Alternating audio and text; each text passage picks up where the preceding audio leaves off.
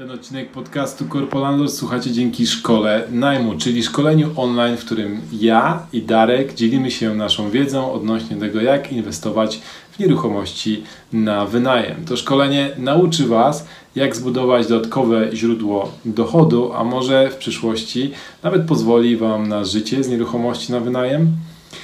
E, więcej informacji o tym, co znajdziecie w naszym szkoleniu i o tym, jak do niego dołączyć, znajdziecie na stronie szkolanajmu.pl.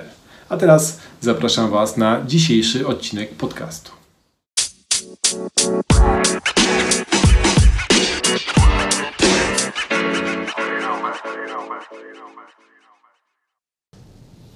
Dzień dobry, tu Paweł Kuryłowicz, a wy słuchacie podcastu Corpolandor, czyli jak inwestować w nieruchomości pracując na etacie. Zwykle nagrywam ten podcast z Darkiem Odczakiem, którego pozdrawiam, bo dzisiaj go niestety nie ma, bo musiał coś załatwić w Łodzi. Natomiast jest ze mną gość. E, witaj, Anton.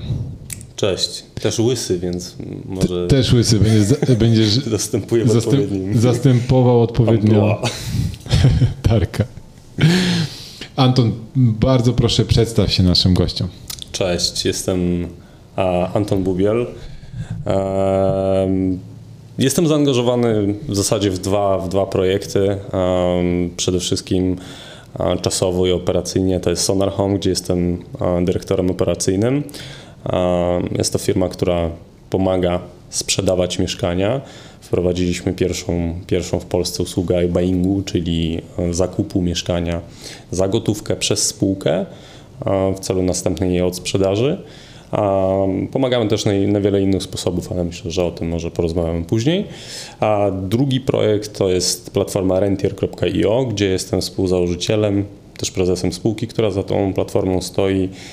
I jest to platforma, w której się skupiamy na pomocy właśnie między innymi inwestorom nieruchomości na wynajem w wyszukiwaniu mm, odpowiednich inwestycji, a przerosło to w tym momencie w dużym stopniu w, w platformę agregującą dane i też, też tworzącą raporty o rynku nieruchomości zarówno od strony wyceny, jak i szacowania cen najmu. No i właśnie dlatego zaprosiliśmy Cię do tego podcastu, bo Ty jesteś, e, że tak powiem, masz ręce umoczone w danych. Na co dzień e, analizujesz e, albo analizujecie, bo to przecież cały zespół, mnóstwo danych odnośnie nieruchomości, a dzisiaj porozmawiamy sobie o tym, jak wygląda rynek nieruchomości kilka miesięcy po mm, rozpoczęciu epidemii, bo ciężko powiedzieć, że już minęła, ale po tym jak wybuchła epidemia e, COVID-19 i zobaczymy, albo postaram się Ciebie wypytać, jak ta sytuacja wygląda w tym momencie. Czy mamy się czego bać, czy już wszystko co najgorsze e, za nami, a czy, czy, czy wręcz przeciwnie. No dobrze, to zacznijmy od tego, bo wy, tak jak powiedziałeś, w Rentierze analizujecie ceny najmu. Zaczęliśmy od analizy cen najmu, następnie nieubłagalnie przeszliśmy także w analizę cen sprzedaży. Mhm. Czyli mając ten komplet w zasadzie tak trochę Tro, trochę wchodząc już w temat właśnie gdzieś tam, jak, jak, doszło do tego, że jestem w Sonarze, to też na, na tej kanwie poznałem założyciela Sonar Home, czyli Mateusza Romanowskiego, który też budował biznes, który zbierał e, dane z rynku nieruchomości, e, tworzył automatyczne wyceny i w zasadzie trochę prowadząc konkurencyjne wobec siebie biznesy, gdzieś tam się poznaliśmy i zaprzyjaźniliśmy. Więc e, zarówno, zarówno z rynku najmu, jak, za, jak i z rynku sprzedaży e, wszystkie te dane zbieramy i analizujemy. Natomiast od razu powiem, że mówimy o rynku mieszkaniowym, bo, bo rynek nieruchomości to jest jednak bardzo, bardzo szeroka branża i tutaj o ile mogę coś powiedzieć o nieruchomościach mieszkalnych, to może na przykład takie działki czy, czy nieruchomości komercyjne, to. No właśnie, bo ja chciałem porozmawiać o gruntach rolnych pod Ciechanowem, no ale tak nie chcesz rozmawiać, to trudno. Dobra, no to powiedz od czego się zaczęło, bo jeszcze nie powiedziałeś w jaki sposób zbieracie te dane, więc może zacznij tak historycznie od czego się zaczęło, w jaki sposób doszedłeś do tego, co robisz w tym momencie. Wiesz co, no to jest e, e, historia pokrótce, się... Pokrótce. Tak. Mamy tylko godzinę. pokrótce, to nie wiem czy dam radę. E, zaczęło się od tego, że, że postanowiłem sobie pracując na etacie że w sumie mam jakieś nadwyżki e, finansowe, gromadzę oszczędności, które e, być może nie są wykorzystywane w najbardziej optymalny sposób. Zacząłem szukać, mówię tutaj o, o lokatach, zacząłem szukać możliwości bezpiecznego zainwestowania. To było w sumie prawie 7 lat temu. No i doszedłem do wniosku, trochę, trochę poczytałem, trochę pooglądałem YouTube'ów, posłuchałem podcastów, że właśnie nieruchomości na wynajem to jest coś, co chciałbym spróbować, coś, w co chciałbym zainwestować. No i wtedy zderzyłem się jakby z tym całym procesem, czyli będąc e, umysłem dość analitycznym, moje podejście było takie, że mam jakieś określone warunki brzegowe, wiedziałem, po, że Poczekaj, chcę... poczekaj. Mhm. Będąc umysłem analitycznym, drodzy słuchacze, jest dzisiaj z nami doktor ekonomii. Tak, to prawda. Musiałem to powiedzieć. Ja, ja, ja, wiem, że to pewnie cię wprowadza zakłopotanie, ale wiesz, nie zawsze mi się udaje rozmawiać z doktorem ekonomii, no, no. więc chcę się pochwalić. Mamo, rozmawiam z doktorem ekonomii, zobacz, zobacz do czego doszedłem. A mówiłaś, że jak się nie będę uczył, to będę zmywał gary. A to nie tylko, nie tylko, zobacz, tutaj niektórzy też, doktorzy też chcą ze mną rozmawiać. Tak, tak, więc, więc e, zacząłeś zbierać dane. Wtedy, wtedy jeszcze nie będąc e, doktorem ekonomii, ale mając już ten e, umysł, skład, taki podejście analityczne,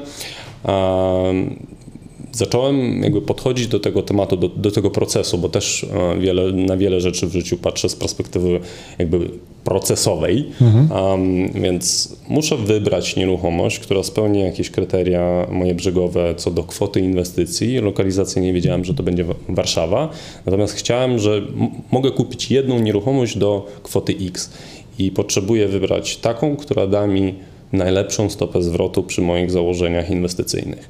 No i teraz otwieram, załóżmy, portale nieruchomości i widzę mnóstwo, mnóstwo ogłoszeń, które te warunki brzegowe spełniają to która, która z, które z tych mieszkań przyniesie mi tą najlepszą stopę zwrotu. Mhm. No i oczywiście można e, i, i, wiele inwestorów e, podejmuje decyzje trochę na podstawie e, jakiegoś tam przeczucia. No ja podszedłem do tematu analitycznie, zacząłem te ogłoszenia, oferty sprzedaży mieszkań analizować pod kątem, jaki potencjalny przychód z najmu są mi w stanie wygenerować, w jaki sposób jestem w stanie poznać e, te, te, te liczby.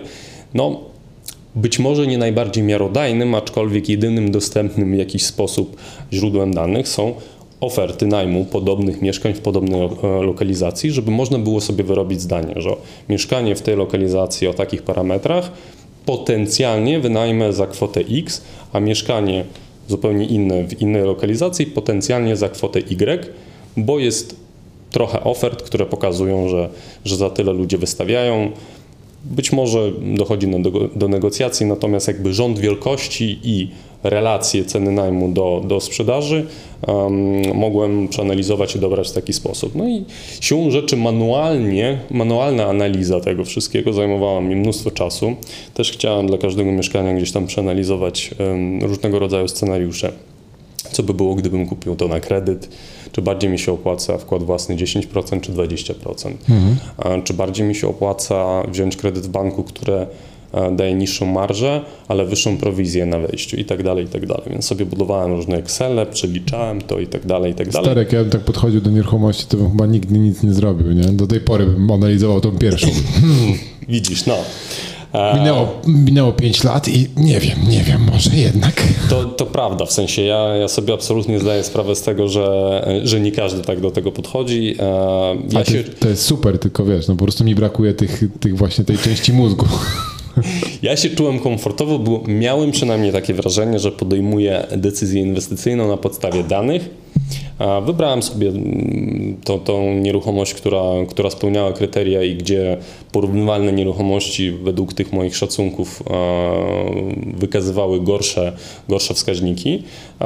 Zainwestowałem, odpukać, się wynajmuje do tej pory świetnie co do zasady ma lepsze wyniki niż, niż założyłem wtedy w Excelu. Natomiast to, do czego, jakby do jakiego wniosku doszedłem um, um, po przejściu tego procesu, że jeżeli ktoś ma podobne, um, podobne założenia co ja i chciałby podejmować te tak zwane data-driven decisions, no to jest w problemie, bo te dane są chaotyczne, nieuporządkowane i żeby, żeby je zagregować i zebrać do kupy na potrzeby jednej inwestycji, tak jak słusznie zauważyłeś, to po prostu może zająć wieki i to jest po prostu kontrproduktywne, nie, nie do końca efektywne.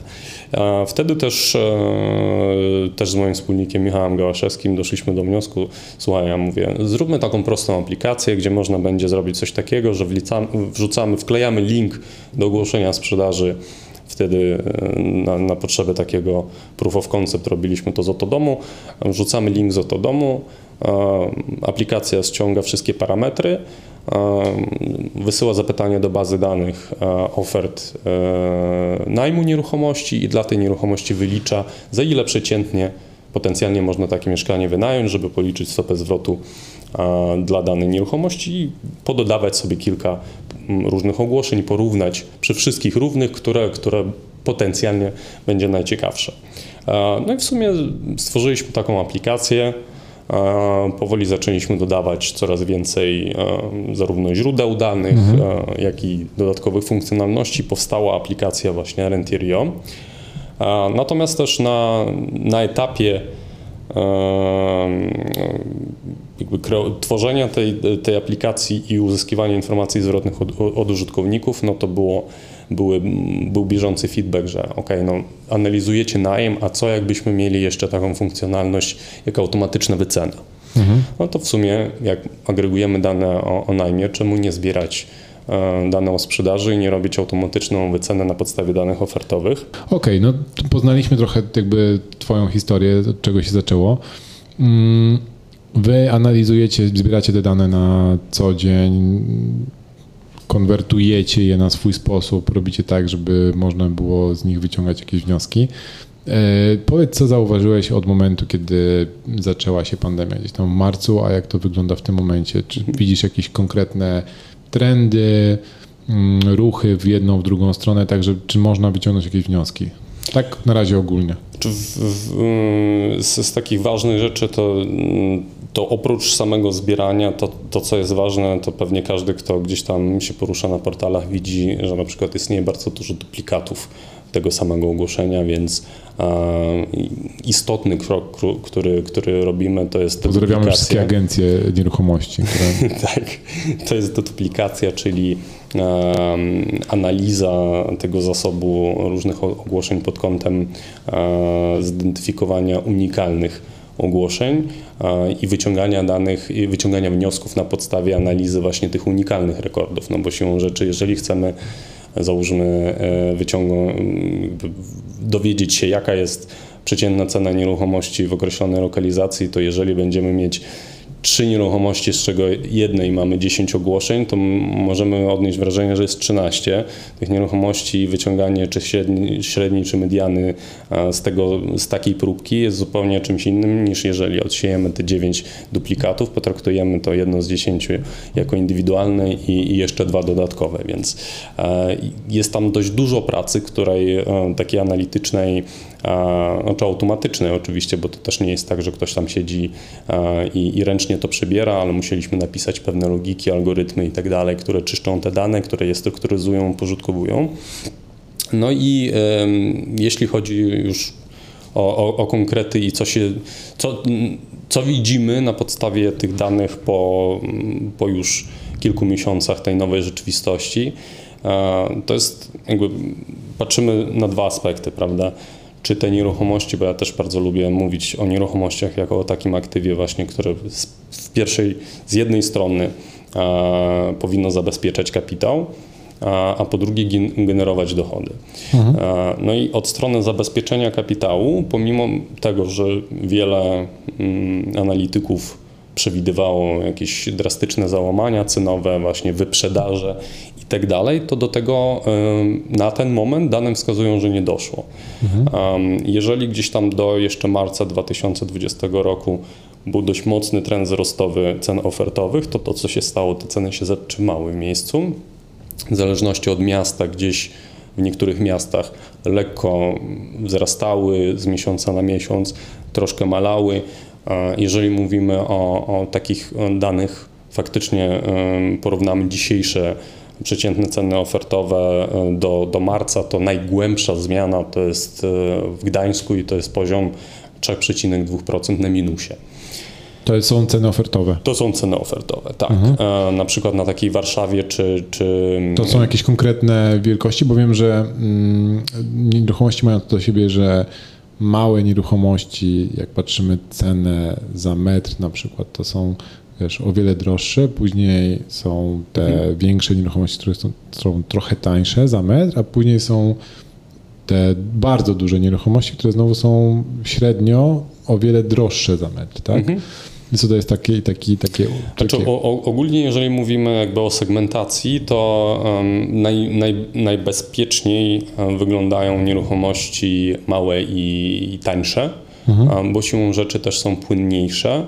Um, więcej jest osób, które, których jest stać na zakup takiej nieruchomości, chociażby za gotówkę. Jasne. segmentem, który bardziej odczuł um, jakieś zawirowania na rynku, to są nieruchomości, które gdzieś tam przekraczają taki próg, gdzie, gdzie proporcja klienta kredytowego a gotówkowego zmienia się na rzecz e, tych e, kredytowych. Mhm. Czyli powiedzmy w Warszawie bym powiedział, to są nieruchomości od pół miliona zwyż to są klienci kredytowi, tak?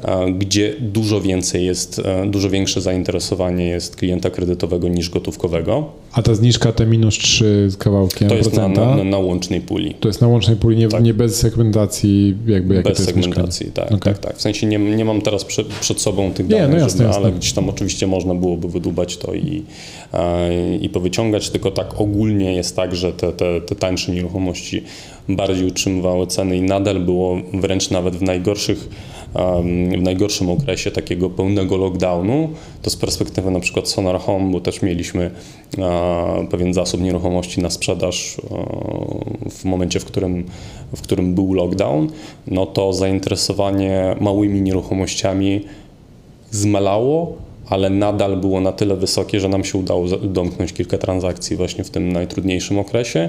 Natomiast droższe nieruchomości to znacząco się wydłużył ten czas sprzedaży, bo właśnie wiele klientów, które, którzy byli zainteresowani zakupem, e, to albo wstrzymywali się z decyzją, bo na przykład nie, nie czuli się komfortowo z wnioskowaniem o kredyt, gdzie nie, byli, nie mieli pewności, czy, czy za kwartał będą mieć pracę. Mhm. A były też takie przypadki, gdzie, gdzie klient mówił, chce kupić, ale właśnie dostałem odpowiedź od banku, że pracuje w branży, która teraz jest um, przez bank oceniana jako, jako ryzykowna i bank nie chce mi udzielić kredytu.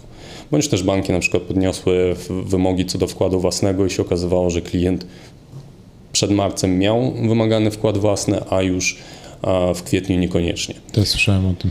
Działalności gospodarcze też no, tak, mocno dostały. Tak, działalności jak najbardziej.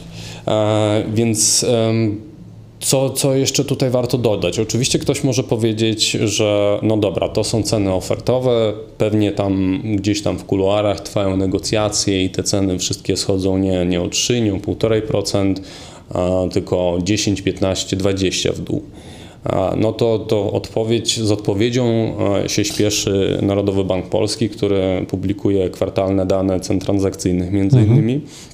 One oczywiście też są zagregowane i zbiorcze per miasto, bez podziału i bez segmentów, więc oczywiście, że tam pewne zależności nie są widoczne, ale jak um, popatrzymy na te dane i porównamy dane transakcyjne według tego raportu z drugiego kwartału do pierwszego kwartału, okazuje się, że na, na żadnym z analizowanych miast, a NBP analizuje największe, um, największe miasta w Polsce, e, ceny nie zmalały. Wręcz na, na części miast e, widać były wzrosty kwartał do kwartału. Wow. Także od strony okay. zabezpieczenia jakby tej, tej wartości faktycznie ku zaskoczeniu mojemu również przyznam się, że, że też się spodziewałem większych spadków. To ta wartość została za, zachowana i, i, ceny nie odzwierciedlają jakiejś paniki czy jakiegoś kryzysu. Być może to jest zbyt krótki okres jak dla tej dynamiki rynku, którą się cechuje rynek nieruchomości, bo my nie mówimy tutaj o to nie jest giełda, prawda, gdzie z dnia na dzień może być tak. jakaś głęboka korekta. Tutaj te procesy są dużo, dużo bardziej spowolnione. Bardzo często dzisiejsza decyzja zakupowa przekłada się na transakcje na przykład właśnie za miesiąc, za dwa, za trzy, bo jest to na przykład umowa przedstępna i dopiero do transakcji dochodzi po, po na przykład decyzji banku o udzieleniu kredytu, więc być może to nie jest e, jednoznaczna odpowiedź, że tak to będzie przez najbliższy rok czy dwa. Natomiast w tym krótkim To też okresie... może być tak, przepraszam, że ci przerwę, że te transakcje, które teraz widzimy, one się zaczęły jeszcze przed pandemią. Oczywiście. I to, że ktoś się nie mógł wycofać z transakcji, to nie znaczy, że, że wiesz, że, że, że, że, zmieniła się jego tam Oczywiście, tak, tak, tak też mogło być i e, i tutaj absolutnie mm, nie wyciągałbym jednoznacznych wniosków, niemniej na podstawie tych danych, które są zarówno ofertowych, jak i transakcyjnych, sytuacja nie wygląda źle i ten kapitał został zabezpieczony, wydaje się, całkiem, całkiem nieźle. To znaczy nie wygląda źle. Ja cały czas mam wypchany materac po prostu gotową i czekam na te wielkie obniżki cen. No okay. mi wszyscy mówili, że ceny pospadają po 50%. Od, no. strony, od, strony, od strony inwestora, który szuka okazji, faktycznie nie było wysypu tych okazji może na, w takim stopniu, jakby, jakby się wiele osób spodziewało ale od strony osób, które już zainwestowały i wierzą w to, że nieruchomości zabezpieczą ich majątek gdzieś tam przed inflacją, myślę, że to jest w miarę pozytywna informacja.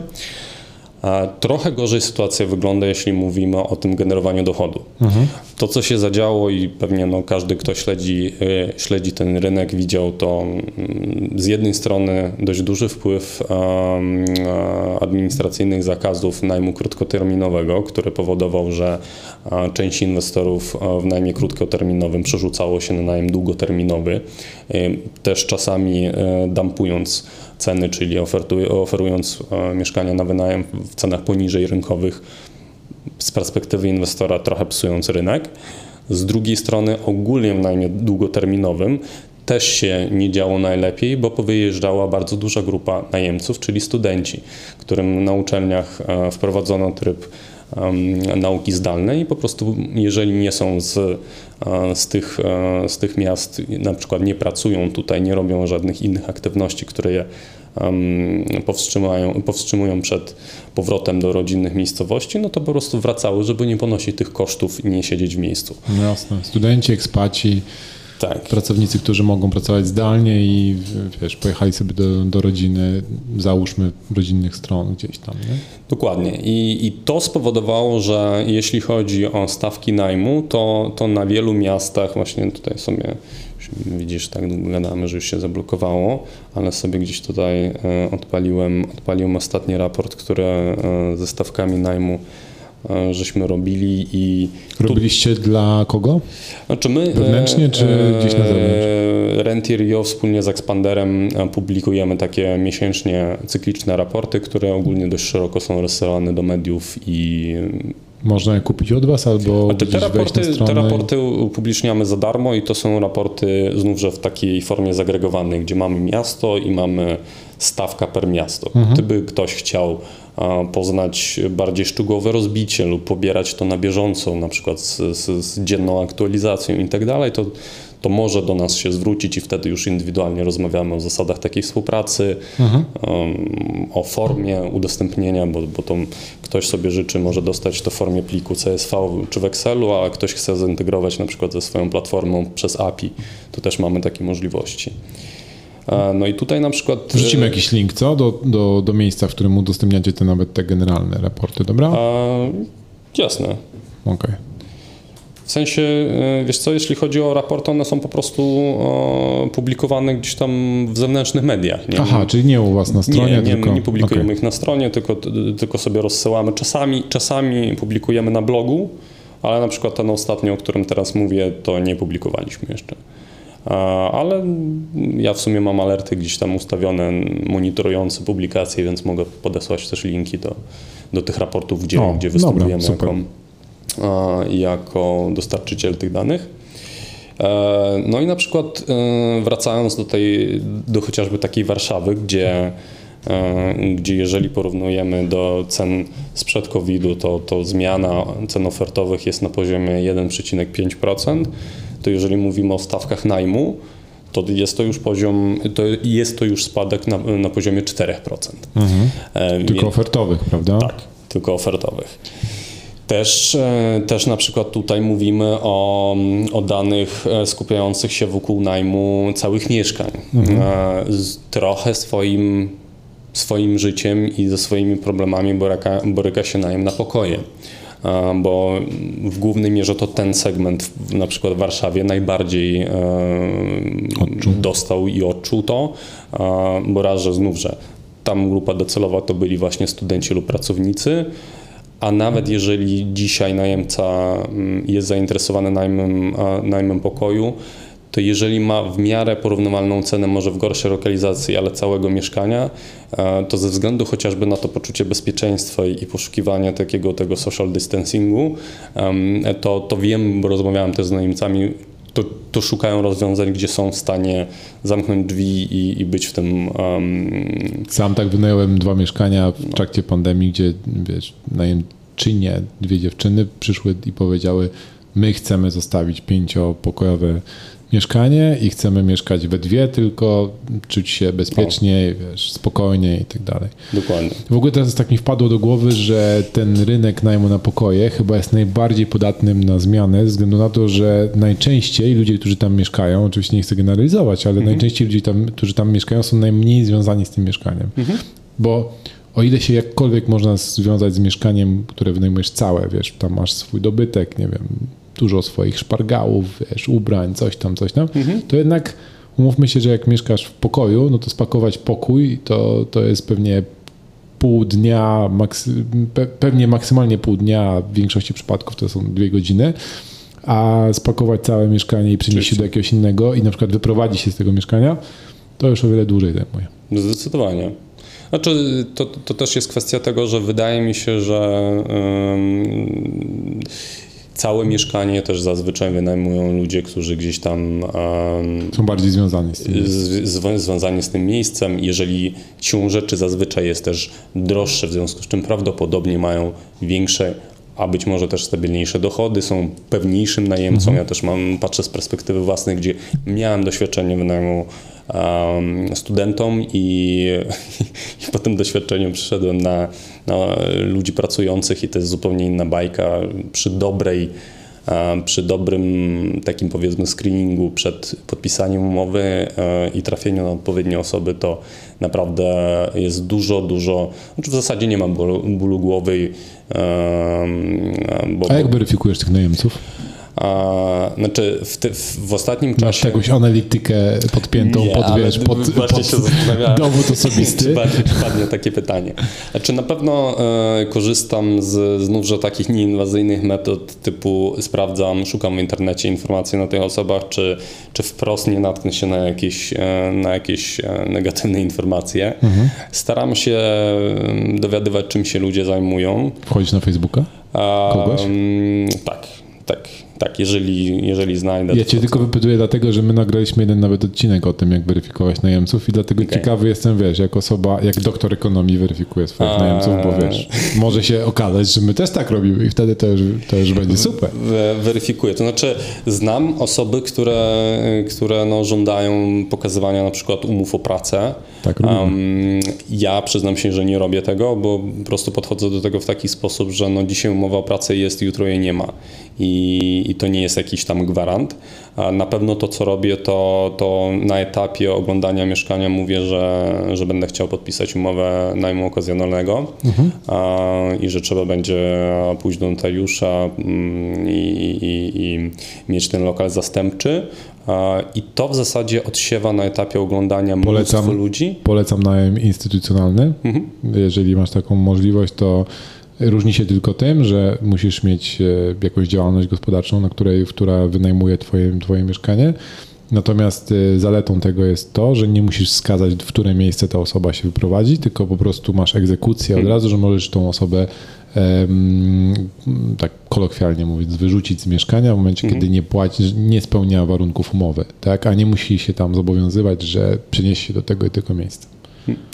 A, ale powiem, powiem tak z ciekawości, że na przykład y, takim najemcom właśnie na tym mieszkaniu, tym, tym, tym które kiedyś analizowałem tak hardkorowo. Tym, tym, tym, tym, tym e, pierwszym. Tak, tak. E, e, zdecydowałem tym razem nie, nie podpisywać umowy najmu mhm. okazjonalnego. Wystarczyło, jakby poczułem, że absolutnie bez problemu była zgoda na to i na zasadzie ok, jasne, kiedy idziemy do notariusza. E, I jakby być może to nie jest dobra wskazówka dla, dla słuchaczy, ale gdzieś tam czasami no, kieruję się intuicją również, nie tylko danymi. No I uznałem, że jest to dla mnie wystarczający dowód e, tego, że, że są to osoby rzetelne, które gdzieś tam nie, nie kręcą nosem wokół tego tematu zabezpieczania się. Nie? A, więc tak podsumowując, jeśli chodzi o ten postpandemiczny mhm. świat, to ceny nieruchomości wygląda na to, że póki co utrzymują się na, na, na stabilnym poziomie. Wręcz, wręcz właśnie dzisiaj brałem udział w e, takiej debacie Rzeczypospolitej, gdzie był przedstawiciel e, rynku nieruchomości luksusowych mhm. i mówił, że mają rekordowy popyt. No ale to wiesz, y, towary luksusowe zawsze tak, ale to jest zupełnie do, inne, do inne, inne prawa ekonomii. To jest niewiarygodne. Ostatnio widziałem jakiś tam artykuł znajomego, że, e, że jakaś tam firma zaliczyła rekordowe sprzedaży jachtów ponad tam milion dolarów e, na rynku azjatyckim. Tak. COVID-19 welcome to. Nie? Tak, to tak. standard. Jak wiesz, jak masz akurat firmę, która e, produkuje maseczki, no to wiesz, zamawiasz nowy jacht. No tak. No a najem, najem e, dostał, jak bardziej to odczuł. W tym momencie bardzo ciekawe e, jest to, co się będzie działo w najbliższym chociażby półroczu, bo na przykład teraz już rektorzy wielu uczelni wprowadzają decyzję mm, o, o zdalnej zdalnej formie nauki na semestr zimowy, mhm. więc no pytanie, jaka tego będzie skala, jak dużo uczelni e, pójdzie, pójdzie tym trendem. No właśnie, um, dla tych, co nas będą słuchali później, to dzisiaj jest 11 e, sierpnia, czyli jesteśmy przed rozpoczęciem roku szkolnego, roku tak, akademickiego. Tak zwanym więc sezonem sezonem e, żniw u osób, które wynajmują tak. e, mieszkania. I, I tak naprawdę nie wiadomo, jak to będzie wyglądało, bo mm, padają rekordowe liczby zachorowań w Polsce i to, co się działo w marcu czy tam w kwietniu, gdzie nas trzymali w domach i w ogóle grozili apokalipsą, a w tym momencie praktycznie jesteśmy wolnymi ludźmi w Polsce i możemy robić co chcemy, a tu się okazuje, że te zachorowania są na wiele wyższym poziomie niż było to wcześniej. E, no i nie wiadomo, czym to się skończy. To prawda, a, a, w tym kontekście jeszcze dodam, że w ogóle ja do, do dnia wczorajszego chyba nie miałem w ogóle styczności z nikim na zasadzie takim, nawet nie miałem znajomych, znajomego, kto, kto by chorował na COVID, czy, czy miał jakieś e, z tym styczność, więc jest trochę takie abstrakcyjne, prawda? O, oglądam w telewizji mhm. e, e, statystyki. Faktycznie nawet bym powiedział, czuję się oszukany, bo mhm szczególnie jako ojciec dwójki dzieci doświadczyłem, co to znaczy lockdown, próba pracy zdalnej, która w moim przypadku była jakby um, niezbyt udana, więc od, od, pierwszych dni jednak wracałem do biura i pracowałem z biura. Mhm. Um, przy poziomie zachorowań, zakażeń typu 100 dziennie, teraz mówimy o 800, a świat zgoła inaczej wygląda, ulice pełne ludzi. Ale wczoraj właśnie e, poznałem, znaczy poznałem, rozmawiałem z, z, z osobą, z którą współpracuję, której e, umarł brat e, na COVID w, tym, w ubiegłym miesiącu i, i zna kilka osób z zachorowaniami i powikłaniami mhm. i tak jakby troszkę inaczej tak, tak uderzył świadomie, aha, czyli to nie jest tylko coś, co oglądam w telewizji, to naprawdę istnieje i, gdzieś tam tak. um, faktycznie się dzieje. Więc myślę, że no, mm, na pewno trzeba, trzeba obserwować i, i być uważnym i, i, z jednej strony nie popadać ani w, w, zbytnią panikę, ani w zbytnią euforię, jeśli chodzi o, o, zachowania, starać się pewnie, y, ja nie mówię tutaj tylko nawet o zachowaniach takich, wiesz, na co dzień, ale pod kątem, bo to wszystko będzie rzutowało na nasze inwestycje, czy to w nieruchomości, czy to jakiekolwiek inne aktywa. Prawda jest taka, że dzisiaj żaden scenariusz nie jest wykluczony. Tak. Więc no. No, sytuacja, sytuacja z marca mnie nauczyła, że możesz sobie planować dużo, a co przyniesie czas, to już inna kompletnie sprawa. Okej, okay, no to mniej więcej wiemy. Oczywiście diabeł tkwi w szczegółach i pewnie trzeba było się zagłębić w wasze, wasze mm, raporty. Ja będę cię prosił, żebyś nam dawał jakąkolwiek znać, jeżeli coś się dużego zmieni na rynku, to wtedy będziemy informować naszych słuchaczy jakoś, wiesz, na, na łamach podcastu, chociaż w jakimś tam, wiesz, skrócie, taki, wiesz, przed, przed przed rozpoczęciem epizodu e, najnowsze doniesienia z stanu epidemiologicznego w Warszawie. Spływające na nieruchomości. E, śródmieście plus 10%, e, wola minus 45%. Zachęcamy do inwestycji. Dobra. Znaczy, zasadniczo na przykład na, e, na stronie Sonar Home e, można sobie zobaczyć dla Warszawy rozbicie per dzielnicę i, i te trendy cenowe. E, no właśnie, ja chciałem trochę... Ofertowych więc bardziej tak jest większe rozbicie, jeśli chodzi o lokalizacyjne. Bo ja chciałem trochę porozmawiać jeszcze o tych Twoich biznesach, w których mhm. jesteś, czy prowadzisz, czy jesteś założycielem. Mm, bo Sonar z, trochę zasłynęło z tego. Ja czytałem o Was, myślę, że pół roku temu albo rok temu, o tym, że jesteście, tak jak ty to ładnie ująłeś na samym początku, iBuying, tak? Mhm. Czyli dokładnie co, żebym nie przeinaczył, bo dokładnie coś tam bym powiedział. Z angielskiego ale... instant buying, czyli błyskawiczny zakup, mhm. czyli usługa, która jakby, może tak, krok, zróbmy krok wstecz. E, jakiś czas temu, w zasadzie przed rokiem 2015, świat w nieruchomościach wyglądał zazwyczaj w taki sposób, że sprzedający miał do wyboru dwie opcje. Albo mógł wyjść na rynek samodzielnie, wystawiać ogłoszenie, przygotowywać to, to mieszkanie do sprzedaży, szukać kupujących, prezentować tą nieruchomość, negocjować, prowadzić tą sprzedaż, bądź skorzystać z usług agenta nieruchomości, który w pewnym sensie jest w stanie tą, tą sprzedaż w zależności od agenta bardziej lub mniej poprowadzić e, i, i, w zasadzie to były dwie ścieżki. No, w jednej, w której oczywiście ten sprzedający musiał zapłacić prowizję, a w, w tej drugiej e, niekoniecznie, natomiast musiał się bardziej zaangażować Musiał czasowo. się zdoktoryzować z sprzedaży nieruchomości. Tak. E, no i właśnie około pięciu lat temu w Stanach Zjednoczonych powstał czy ktoś może powiedzieć, że ten model istniał, bo, e, bo, bo, gdzieś tam na małą skalę nawet taki flipper oferował, można powiedzieć, taką ofertę, że przychodził zakup za gotówkę, natomiast tak. my mówimy o jakiejś skali i poziomie trochę takim instytucjonalnym, gdzie jest marka, która mówi, że kupimy od ciebie twoje mieszkanie, no i co się kryje za tym kupimy od ciebie to mieszkanie. E, kryje się za tym po pierwsze właśnie ta agregacja danych, i możliwość szybkiej wyceny nieruchomości i szybkiego złożenia oferty. W Sonar Home mamy 48 godzin na przedstawienie oferty zakupu nieruchomości. To nie oznacza, że kupujemy każdą nieruchomość, mhm.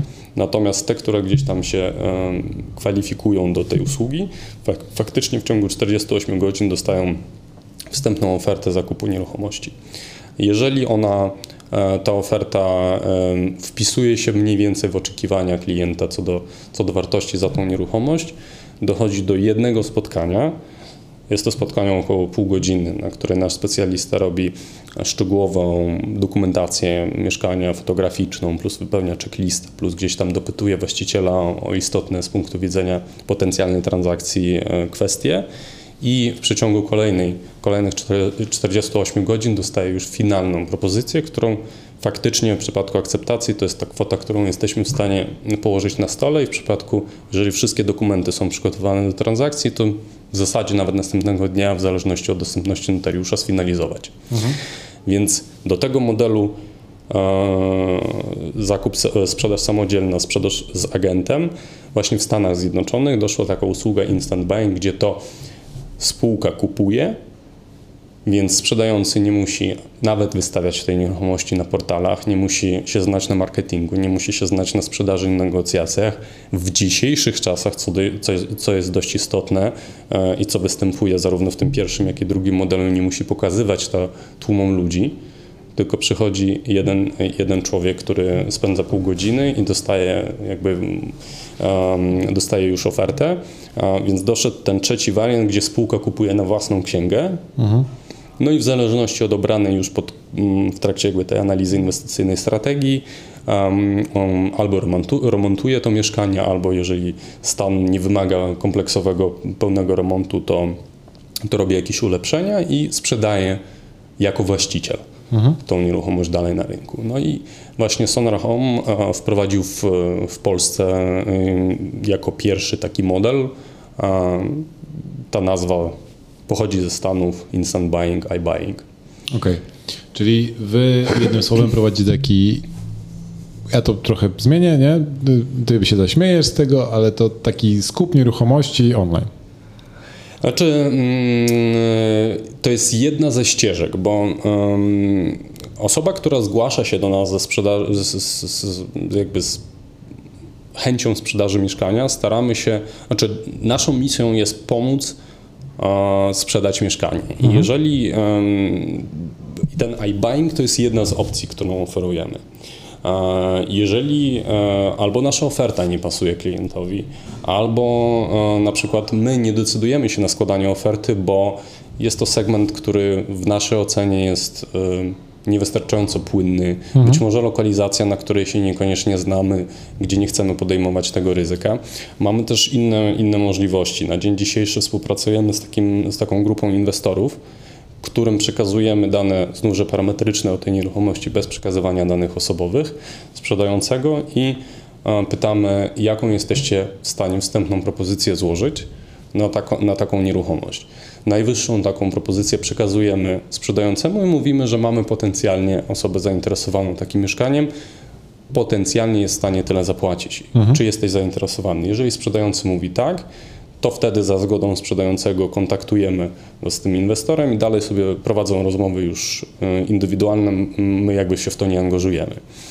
Jeżeli na etapie jakby tej pierwszej rozmowy e, z, z, ze sprzedającym też dowiadujemy się, że celem, i, i, który przyświeca sprzedającemu, nie jest szybka transakcja, szybka sprzedaż, tylko maksymalizacja e, zysku, to też współpracujemy z kilkoma zaufanymi agencjami. Jesteśmy w stanie połączyć z dobrym agentem, który wiemy, bo na przykład współpracujemy już od dłuższego czasu, że świadczy naprawdę dobre usługi i jesteśmy w stanie poniekąd dręczyć za tego agenta, że, że jak już przekaże, przekażemy tego klienta, to klient będzie zadowolony.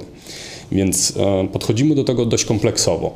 Natomiast pierwszą i taką kluczową usługę, usługą przez pryzmat, której patrzymy na każde zgłoszenie, to jest ten iBuying i możliwość zakupu przez nas. Znaczy, ja widzę w tym zaletę dla osób, które są, e, nie chcą się bawić w sprzedaż i chcą mieć ofertę, która jest e, rynkowa, bo my kiedyś o tym rozmawialiśmy, ale chciałbym, żeby usłyszeli to też słuchacze. Nie wiem, na ile jesteś w stanie się tym podzielić na łamach naszego podcastu ale wy oferujecie ceny bardzo zbliżone do tych y, cen rynkowych. Nie, nie mylić z cenami ofertowymi, tak? bo tak. ludzie mają bardzo często trochę mm, zaburzone postrzeganie tego, jakie są ceny, ofer- ceny rynkowe. Ale jesteś w stanie powiedzieć jakąś liczbę, ile mniej więcej kupujecie, o ile mniej więcej taniej kupujecie te nieruchomości, no wiadomo, że kupujecie trochę taniej, żeby na tym zyskać, tak? Mhm. Natomiast jesteś w stanie coś powiedzieć, ile to jest? Czy ja, ja mogę powiedzieć takie, takie powiedzmy uśrednione dane, że na podstawie chociażby jakichś tam ostatnich 30 transakcji, mhm. no to takie uśredniona, uśrednione, uśredniona marża, którą robimy na mieszkaniu, to jest 7%. Um, Wy robicie, czyli tak. e, nie kupujecie 7% poniżej e, wartości, tylko dajecie klientowi jakąś tam cenę, mhm. zwiększacie wartość nieruchomości tak. i na tym zarabiacie 7%, tak, tak? tak? Czyli tak naprawdę jakby klient chciał sprzedać tą nieruchomość tam na rynku, no to pewnie by dostał kilka procent więcej. Tak można znaczy, to za założyć. A biorąc pod uwagę to, że pewnie musiałby zatrudnić agenta nieruchomości, to i tak by wyszło mniej więcej na to samo, co... To, to jest, wiesz, no to, to jest zależy, bo w sensie to, to wszystko zależy. Czy, czy przygotowałby tą nieruchomość e, efektywnie kosztowo do takiego stanu, w którym był, osiągnął cenę wyższą, tak. czy, czy faktycznie umiejętnie by poprowadził tą, ten marketing i sprzedaż. No, tak jak mówisz, czy we współpracy z agentem czy, czy nie zapłaciłby podobnej kwoty, ale jednak przy większym zaangażowaniu czasowym i, i też na, na potrzeby chociażby prezentacji nieruchomości i jej przygotowania. Nie, nie, bo, bo ja widzę w tym zalety. Ja widzę mhm. zalety w tej, tej, tej usłudze na tyle, że jeżeli mam osobę, która nie chce się bawić w całą sprzedaż i nie chce się bawić w odświeżanie mieszkania i wiesz, tak. pisanie pięknych ogłoszeń i robienie super zdjęć i tak dalej, i tak dalej, co też kosztuje czas. No nie oszukujmy się, tak? Musisz spędzić spokojnie kilkanaście godzin czasu nad tym tak. wszystkim. E, I się okazuje na koniec dnia, że później musisz zapłacić kilka procent agentowi nieruchomości, który przyniesie ci tego, tego, tego kupującego i zapłacisz jemu 3,5% albo 3% albo ileś tam procent. I, e, i, I, wiesz, i się okaże, że tak naprawdę do was by przyszedł i by miał to w ciągu 48 godzin, a normalnie mhm. mu zajmuje 3 miesiące sprzedaż takiej nieruchomości i traci też na tym, że te pieniądze mógłby gdzieś indziej zainwestować, bla, tak. bla, bla, bla, bla, tak? Jakby tych rzeczy jest mnóstwo. I jeszcze inną kwestią jest to, że na przykład bardzo, bardzo ciekawą uważam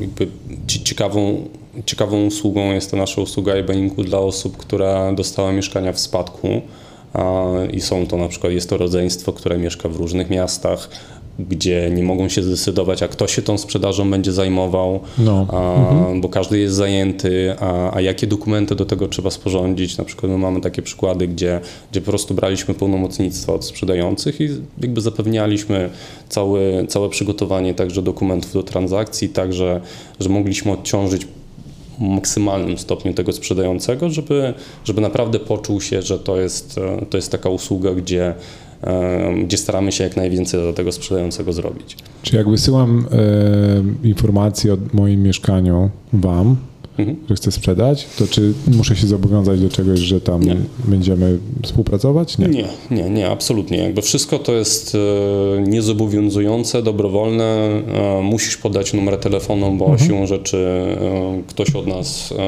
nie chce się skontaktować i chce kupić, tak? Tak, co więcej, jakby możesz też się pochwalę, bo w ostatnim czasie wdrożyliśmy takie coś, że po zgłoszeniu formularza z, z, tą, z tym mieszkaniem, które chcesz sprzedać, możesz sobie zabukować rozmowę w kalendarzu co, co fajnie, bardzo fajnie działa. Byłem też zaskoczony rezultatami. Jak to jest ten Calendly albo coś takiego? Coś, znaczy, czy coś... Akurat nie, nie z Calendly korzystamy, ale, ale działa na podobnej zasadzie. Tak, mhm. tak, że osoba zgłaszająca widzi jakby wolne sloty e, naszych specjalistów i jest w stanie sobie zabukować 15 minut na rozmowę w dogodnym dla siebie terminie, w związku z czym to nie działa na takiej zasadzie, że siedzisz w pracy i ktoś wydzwania tak. i, i, próbuje znaleźć dogodny moment, tylko dzwoni wtedy, kiedy ty czekasz na tą rozmowę i, i ta rozmowa jest przeprowadzana. Uwielbiam te telefony. Dzień dobry. Cisza. Dzień dobry. E, czy ja dzwonię w odpowiednim momencie? Nie, to nie jest odpowiednio. Nigdy nie mam odpowiedniego momentu do tego rodzaju rozmowy. Okej. Okay. E, dziękuję Ci, Anton, e, za podsumowanie ostatnich kilku miesięcy i ciekawą opowieść o tym, co robicie. E, pytałeś się, ile zajmie nasze nagranie. Już rozmawiałem 50 minut, więc. O, Poszło szybko, co? I to jest dopiero pierwsza część? To jest dopiero pierwsza część. Bardzo szybko przechodzimy do drugiej części. Jak tobie jest niewygodnie, bo ja widzę, że tak siedzisz Wiesz to co, tak widzisz, jakoś tak. My, my, my, z jednej strony siadam prosto, a potem mnie zjeżdżasz. zjeżdżam, nie? I tak czuję, że... Nie wiem, czy zauważyłeś, znaczy nie zauważyłeś, bo nie widziałeś wcześniej, ale zainwestowaliśmy takie piękne statywy za 30 no, parę tak, złotych, więc możesz sobie tutaj, wiesz, do, tak. do, do, tak okay. dostosować do siebie. Ważne, żeby był tak na, wiesz, mniej więcej wysokości twojej, e, twoich ust, tak żeby było słychać, co mówisz. Przechodzimy do kolejnej e, części naszego podcastu, jaką są pytania od naszych słuchaczy. I tym razem napisał do nas Aster. I napisał coś takiego. Cześć panowie, będę wdzięczny za waszą radę. Kierunek mam na mieszkanie 150 m2, zrobione pode mnie do lekkiego liftingu i chcę go wynająć. Zastanawiam się, czy podzielić go na cztery małe, każdy ze swoją kuchnią i łazienką. Mieszkanie też ma dwa wejścia czy raczej iść po mniejszej linii oporu, zrobić mały lifting i szukać dużej rodziny i wynająć jako jedno całe. Czy mieliście do czynienia z tak dużym mieszkaniem do wynajęcia? Warto, dzięki z góry na sugestie, pozdrawiam serdecznie. I to mi się podoba, to jest po prostu, wiesz, konkret, 150 metrów kwadratowych mieszkania, nie tam jakaś kawalerka, stejki i ten, i wielkie tak. mieszkania. Pytanie, pytanie, gdzie się znajduje i, i, i, co to za budynek? W sensie takie, czy można to podciągnąć pod... Pod luksusowy apartament, tak? Bo to już brzmi właśnie, jeżeli jako całość i jest to budynek e, gdzieś tam no, kwalifikujący się na, na nowe budownictwo z, z jakimiś elementami on, luksusu, to, to można e, chociażby właśnie egzekutywi, ekspaci i tak dalej znaleźć, e, znaleźć stabilnego najemcę w postaci na przykład firmy, która, która swoim pracownikom, egzekutywom zapewnia e, najem takich lokali w dobrej cenie.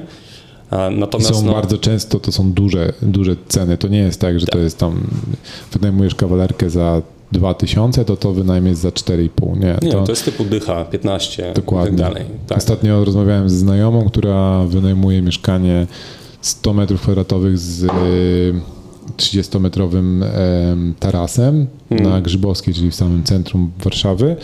I takie mieszkanie było wystawione w zeszłym roku, czy dwa lata temu za 9,5 tysiąca.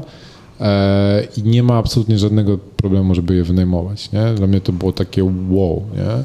A to, I to wcale nie jest jakoś tam super od, odpimpowane mieszkanie. To nie jest tak, że to mieszkanie po prostu wchodzisz i ci zapiera dech Mhm. w piersiach, nie? bo ludzie często sobie tak wyobrażają takie mega drogie, luksusowe Na, natomiast wiesz, całość musi być spójna, w sensie to nie może być, Tak. załóżmy, lokalizacja centralna, my tutaj też jesteśmy w centrum, ale to nie może być odpicowane super duże mieszkanie, ale na przykład w bloku a, z wielkiej płyty. Tak, tak, tak, tak. Jest jakby dysonans, nie? Mhm. A jeżeli to jest tak duże y, mieszkanie, no to fajnie by było, gdyby tam był też jakiś taras, e, jakieś, jakaś możliwość e, wyjścia, w sensie te, te takie elementy, które nam się kojarzą z jakimś tam wyższym standardem e, luksusa. Jeżeli, jeżeli to jest po prostu bardzo duże mieszkanie, ale mm, nawet nie w, w e, wielkiej płycie, ale po prostu w standardowym e, budownictwie obok są inne bloki, e, to ja bym szedł w podział na i właśnie tu jest istotne, nie, nie na pokoje na dzień dzisiejszy, ale jednak Tylko na mniejsze mieszkania. tak, mniejsze mieszkania, być może mikrokawalerki, czyli o ile się da osobne wejścia, kuchnia, e, aneks kuchenny, łazienka i e, po pierwsze pozwoli to na dywersyfikację, w sensie dywersyfikację.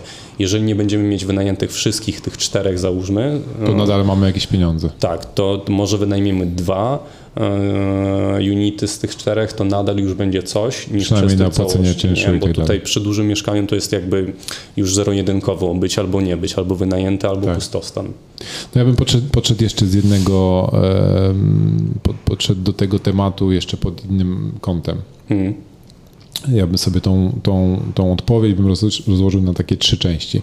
Po pierwsze zastanowiłbym się, na czym mi zależy, nie? bo ja nie znam tego człowieka tak dobrze, Tak. znaczy wiem kto to jest, ale nie znam aż tak dobrze, żeby, wiedzieć, żeby, No. żeby kojarzyć, wiesz, jakby na czym mu zależy, bo tutaj według mnie to jest e, czas versus pieniądze, tak? E, Jeżeli chcesz się jak najmniej zaangażować w wynajem tego, mieć jak najmniej kłopotów, to na pewno idź w stronę wynajmu całego mieszkania jednej rodzinie. Wiesz, najprawdopodobniej będziesz odbierał telefon od tej osoby raz na rok, nie? czy tam dwa razy w roku. Jeżeli podzielisz to na cztery mieszkania, no to masz te raz czy dwa razy w roku, razy cztery, nie? To już masz osiem, a jeszcze jak to, nam się ktoś upierdliwy trafi w tych czterech, a jest większe prawdopodobieństwo, no to już masz tam co chwilę. Zaj- Zajmujesz się, zaczynasz otwierać małą agencję e, najmu nieruchomości.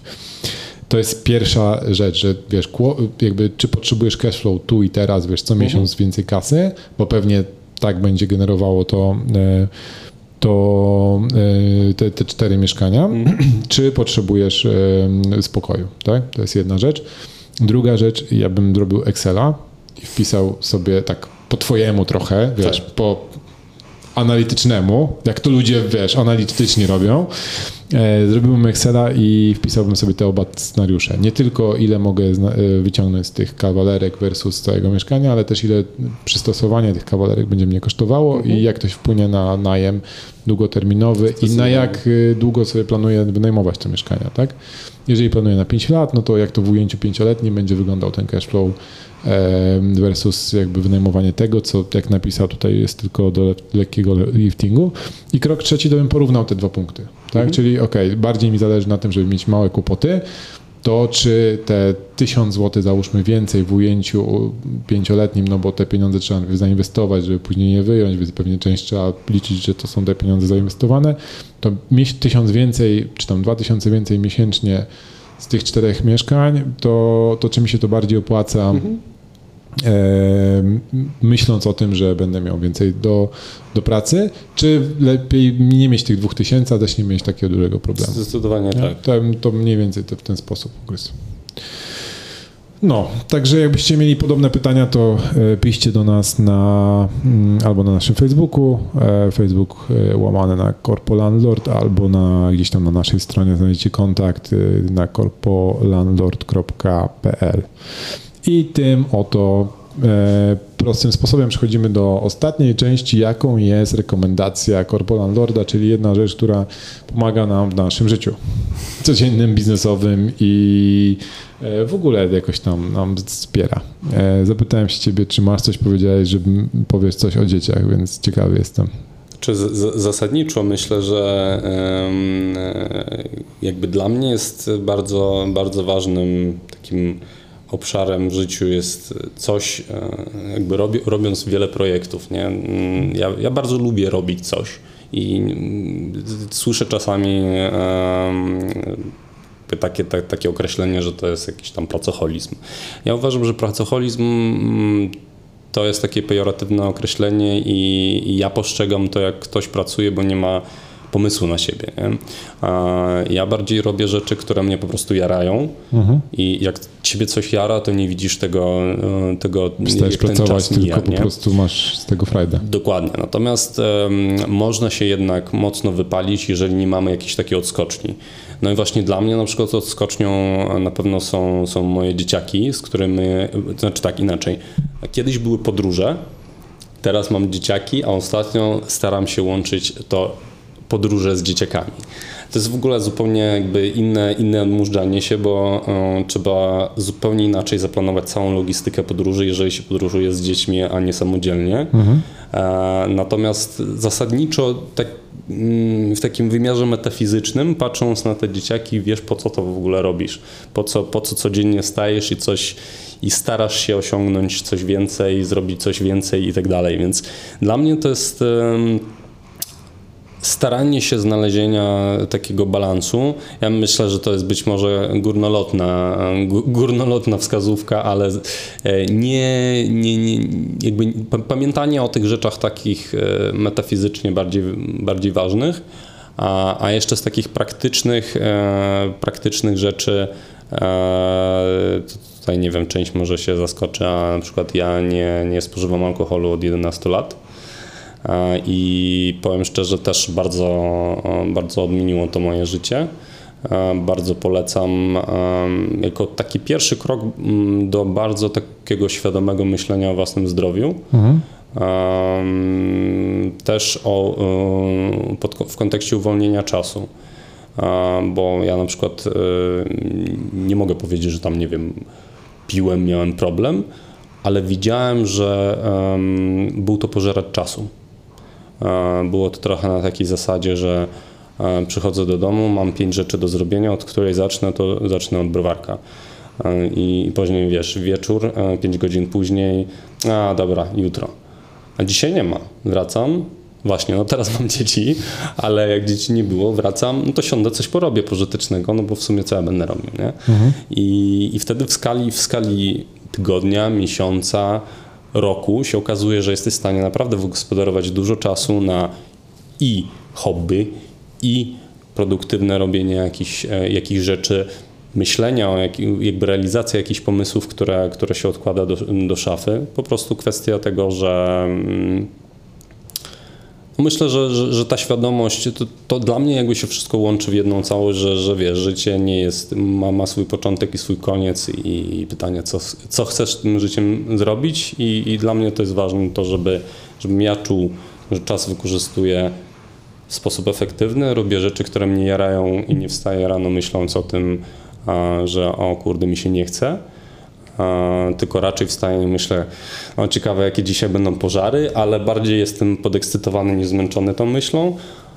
a na koniec dnia wracam i wiem po co, po co wstałem i po co to wszystko robiłem w ciągu Ja dnia. myślę, że w ogóle osobom, które mają problem z produktywnością i takie, wiesz, non-stop przekładaniem rzeczy na później, nie dlatego, że mają dużo po prostu, wiesz, rzeczy, które się dzieją, tylko dlatego, że po prostu im się jakoś tam nie chce, albo, wiesz, to zrobię jutro i jutro nie, nie następuje nigdy, to w ogóle, wiesz, trzeba byłoby się zastanowić nad swoim trybem życia i właśnie spożywaniem jakiegokolwiek, e, jakichkolwiek używek, nie? Bo tam alkohol to jest jedna z używek, które mogą cię pochłonąć.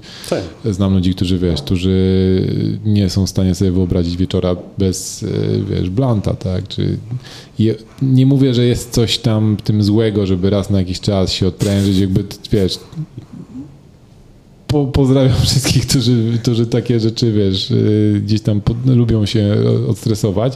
Ja osobiście nie, nie przepadam, natomiast em, jeżeli robisz to codziennie, to moim zdaniem nie ma opcji, żeby to nie wpływało na, na, twoją, na twoje poczucie jakiejś takiej, wiesz, y, chęci robienia rzeczy, które są na ogół na początku niekomfortowe, bo zawsze każda jakaś tam czynność ma jakiś element takiej, wiesz, niekomfortowości, a muszę usiąść i nagrać kolejny podcast. Tak, tak. Albo No to- wrzucić opis y, podcastu, bo tam y, umówiłem się z Darkiem, że Absolutnie wrzucimy we wtorek. Wiesz, nagrywanie z ludźmi jest fajne, ale później to, żeby to obrobić i tam wrzucić i zrobić zdjęcie, Czy wrzucić to jest zdjęcie wiesz, i coś tam. absolut- absolutnie pierwszy sygnał, żeby zadać sobie pytanie, po co ja to robię, czy to nie, nie jest moment, w którym powinienem przestać to robić, bo po prostu cholera, życie jest za krótkie, żeby, żeby marnować je na rzeczy, które nie chcemy robić. No tak, tylko zawsze jest tak, że nawet jeżeli coś chcesz robić, to masz element taki, że jakby musisz zwalczyć swoje jakieś tam, wiesz, jakąś taką, e, musisz nabrać trochę motywacji do tego, żeby coś tam zrobić, nie? Tak. Nawet jeżeli to jest super ekstra rzecz, nie wiem, uwielbiasz malować obrazy, To to, czasami, momencie- to Mhm. czasami jest tak, że nie chce ci się wyjąć sztalugi, bo trzeba ją wyciągnąć z innego, nie wiem, z garażu, tak?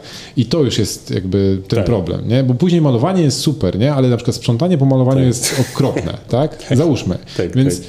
Każda rzecz, którą robisz, jakby ma część taką wow, super, będzie ekstra, Mhm. ale też jest taka część, że kurde, nie chce mi się tego na maksa, nie? I problem jest wtedy, kiedy te nie chce mi się na maksa y, jest w każdej rzeczy, którą robisz i, y, i jakby tutaj się pojawiają, wiesz, symptomy właśnie tego, że może na przykład właśnie używanie czegokolwiek, alkoholu, jakichś innych używek powoduje, że ci jakby no, przesłania ci życie, nie?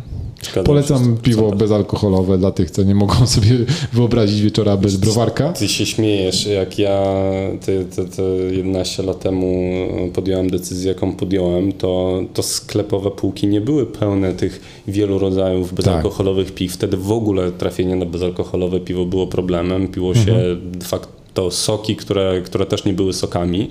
Więc dzisiaj to jest komfort. e, Tak, wychodzisz sobie po browarka, który życia. praktycznie smakuje tak samo, a w Tak. ogóle cię nie, nie oszołamia.